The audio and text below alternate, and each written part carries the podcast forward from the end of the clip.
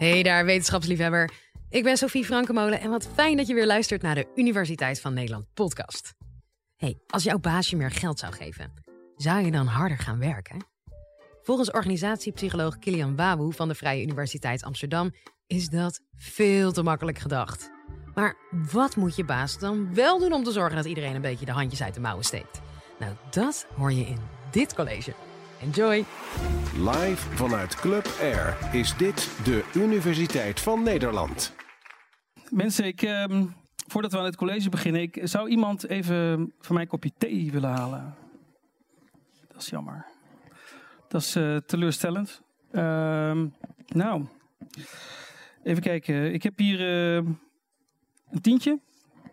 Als ik iemand een tientje geef, wil die dan even een kopje thee halen? Eén, twee, drie. Oké, 20 euro dan. Wie gaat er voor mij even thee halen? Ja. 30 euro. Wie gaat er voor mij halen? Mag het houden, hè? Mag het gewoon houden. Denk, dus geen doorgestoken kaarten van. Wie gaat er voor mij? 30 euro. Ga je thee halen. Wie gaat het doen? Oké. 50 euro. Degene die voor mij een kop thee gaat halen, krijgt 50. Even, even wachten. Even wachten. Wie, wie gaat er allemaal voor mij thee halen voor 50 euro? Wie? Wil jij even voor mij een kopje thee halen? Uh, met uh, twee klontjes suiker, alsjeblieft. Zo. Hè? Nou. Um, ik doe dit, doe dit al jaren met studenten. Of andere groepen. Dan ga ik gewoon eens even kijken wat het zo al kost om iets van iemand gedaan te krijgen. En een student, ik moet zeggen, vandaag ben ik een beetje duur uit, moet ik zeggen. Maar dat komt waarschijnlijk door peer pressure. Dat er toch mensen wat bang zijn. Ja, dit komt ook op tv en zo, en dan zien ze dat. Maar uh, er is een punt, een breekpunt waarop jullie allemaal breken. En als ik maar genoeg geld bied, dan gaan jullie allemaal thee van mij halen. En soms kost me dat 5 euro, meestal studenten 5 à 10 euro wil het wel. Bij de meeste uh, werkende mensen is het meestal zo'n euro of 40, 50. Maar dan is de neiging te groot en gaan mensen zeggen: nee, ik moet, dit, dit ga ik echt even niet aan me voorbij laten gaan. En um, um, de conclusie die je eruit kan trekken is: als je iets van iemand wil, dan moet je hem gewoon geld geven. Ja, het is het niet zo moeilijk. Maar er is wel één um, veronderstelling, of het is wel één ding heel erg belangrijk: is dat het alleen maar werkt op het moment dat iemand dat ook daadwerkelijk kan. En ik moest daar aan denken toen ik het, uh, het uh, regeerakkoord uit 2010 kreeg te, lezen. En uh, het regeerakkoord van 2010 was het eerste regeerakkoord net na de crisis. Hè. De crisis was 2008, 2009, al die banken failliet. En nou ja, iedereen voelde toch wel aan, dat heeft ook wat te maken met die bonussen. En het woord bonus kwam in het regeerakkoord in 2010 één keer voor.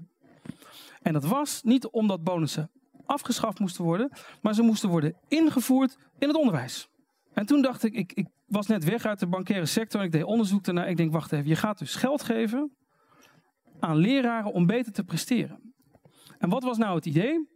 Dat als je dan uh, tot de best presterende leraren behoren, behoorde, dan kreeg je dus een bonus. Kreeg je een bonus. En dat was dan een geldbedrag, of je mocht er ook wat, wat onderwijsvernieuwing mee doen, maar je kreeg in ieder geval een bepaald bedrag. En toen dacht ik, wacht even, wat, wat er dus eigenlijk gebeurt.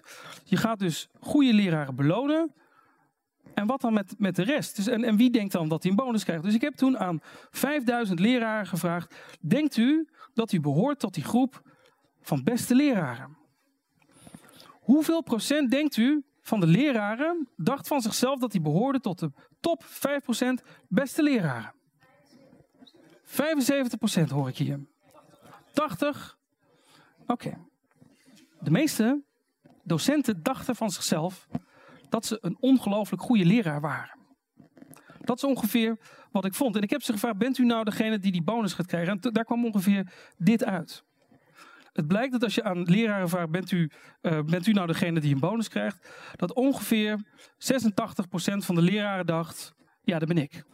En je kunt dus eigenlijk vrij makkelijk uitrekenen dat als dus 86% van de leraren denkt dat hij een bonus krijgt omdat hij tot de top 5 behoort, en er is 5% die hem krijgt, dan hebben we dadelijk 86 min 5 is 81% boze leraren. Want die denken, ja, uh, die bonus was voor mij, maar hij ging naar mijn buurman. Dus als je mij nodig hebt met de open dag, moet je daar zijn. Maar toen dacht ik, wacht even, dit... ehm, eh, want toen, kwam er iemand van de school naar mij toe en die zei: Ja, maar wacht even, jij, jij, jij doet die onderzoek naar die bonussen en je vertelt steeds hoe het niet moet. Vertel me dan eens even hoe het wel moet. Dat heeft me toen getriggerd. Ik denk van oké, ik moet dus niet alleen onderzoek doen naar wat niet werkt, want bonussen in het onderwijs, dat werkt waarschijnlijk niet. Maar wat werkt dan wel? En ik heb toen aan leraren gevraagd: van, kun je nou eens aangeven, dus niet wat je van jezelf denkt, want eh, mensen zijn fantastisch. Net zoals de meeste mensen, pardon, hier in de zaal misschien wel van zichzelf denken dat ze hartstikke goed zijn. Ik is er toevallig iemand hier die zichzelf hartstikke slecht vindt? Kan die zich even bij mij komen melden na de college? Want ik zoek al vier jaar naar die mensen die van zichzelf zeggen: nee, ik ben waardeloos. Maar ik heb gekeken naar aan leraren gevraagd: stel nou eens dat je niet jezelf evalueert, maar de leraren om je heen. Hoeveel leraren voldoen er eigenlijk niet aan de kwali- kwalificaties van een goede leraar? Dat wil zeggen genoeg kennis en de vaardigheid om het over te brengen. Hoeveel doen er wat ze zouden moeten doen en hoeveel zijn er echt fantastisch? Nogmaals, niet over jezelf, maar over je school. En daar kwam deze verdeling uit. Het bleek dat ongeveer 15% van de leraren, zeggen ze zelf, zeg ik niet, presteert eigenlijk niet volgens de norm waar je als leraar aan zou moeten voldoen. En de onderwijsinspectie heeft zo'n 2000 lessen bijgewoond. Die komt ongeveer op hetzelfde aantal. En eh, onderzoeken onder leerlingen, eh, die laten ongeveer hetzelfde zien, wel anders gemeten. Maar er zijn verschillende bronnen die bevestigen dat waarschijnlijk 1 op de 6 leraren niet voldoen aan de kwali- kwalificaties van een goede leraar. Dus ik heb dat maar even met een metafoor aangeduid met zo'n paard wat, wat last heeft van iets. Die is kreupel, die kan niet meer lopen.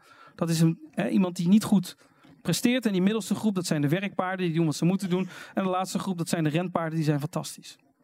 Ik zei, oké.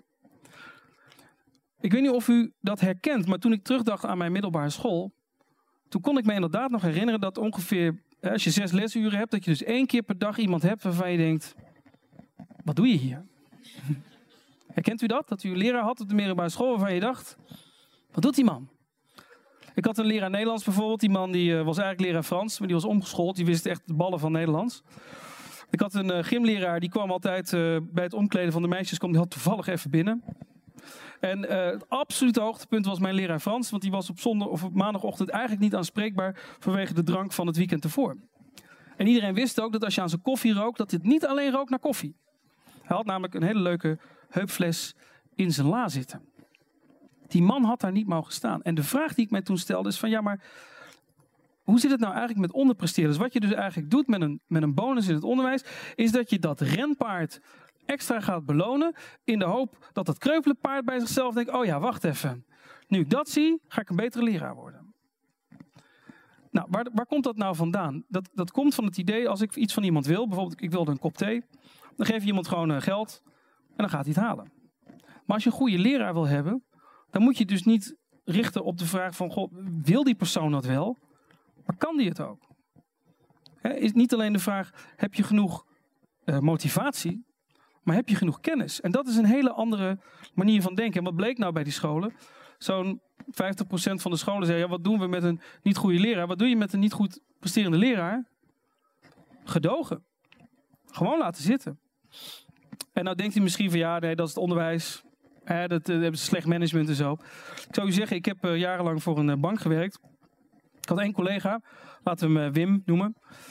En Wim die kwam altijd te laat binnen. En dan zei hij, ja, ik kom al als laatste binnen, maar ik ga ook als eerste weg. Dat was een grap. Iedere dag dezelfde grap van Wim.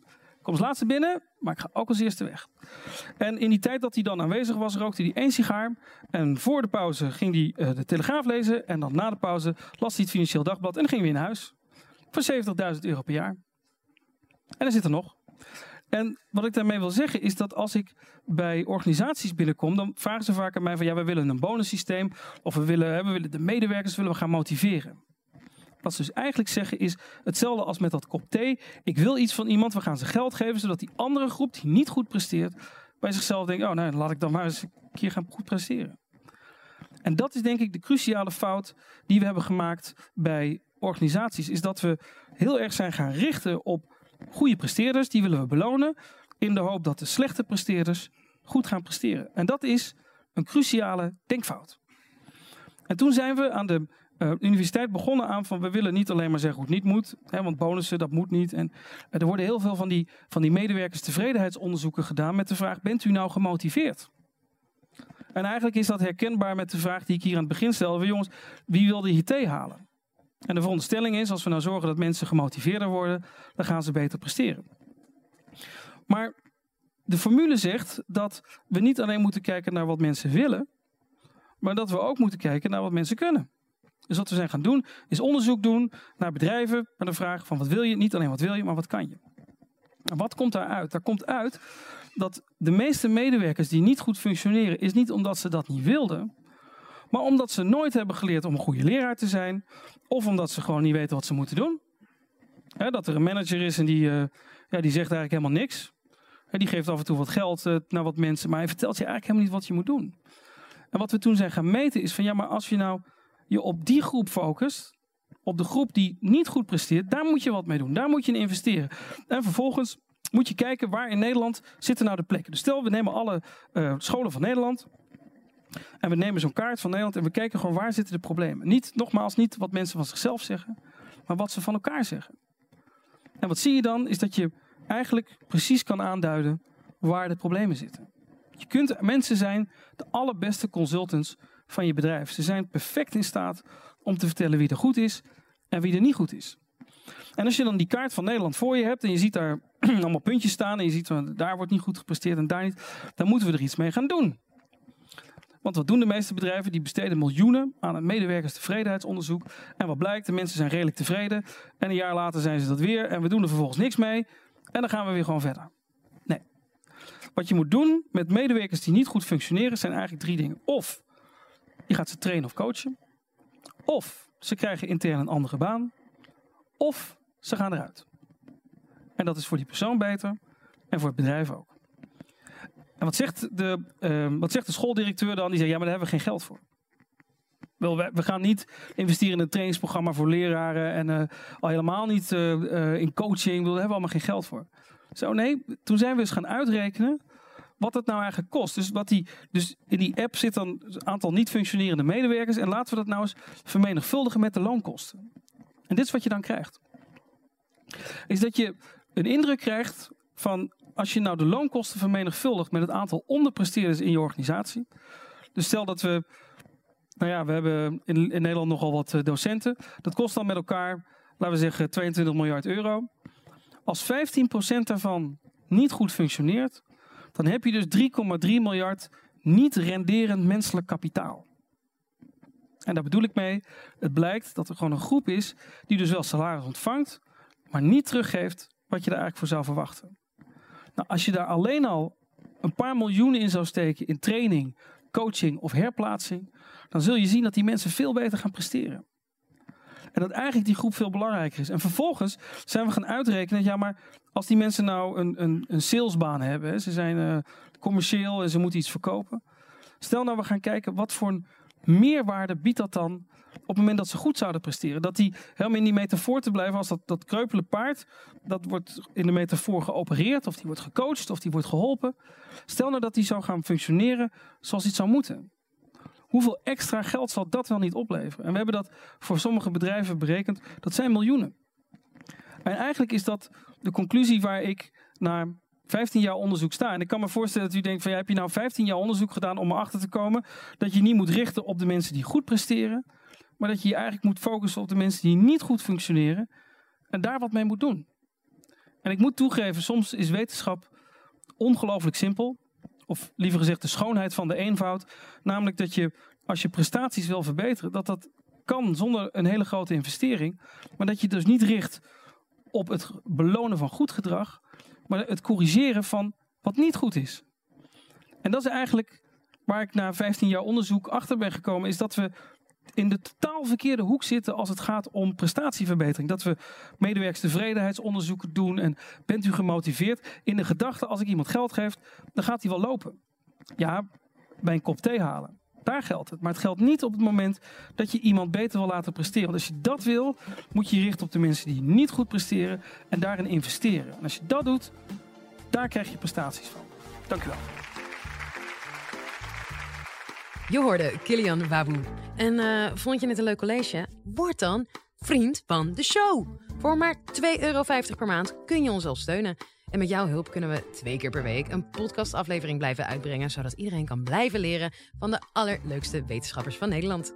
Dus ja, waar wacht je nog op, zou ik zeggen? Word lid van de nieuwsgierigste vriendengroep van Nederland. En dat kan via de link in de beschrijving. In de volgende aflevering kom je erachter of Facebook jou anders heeft laten stemmen tijdens de afgelopen verkiezingen. Tot dan!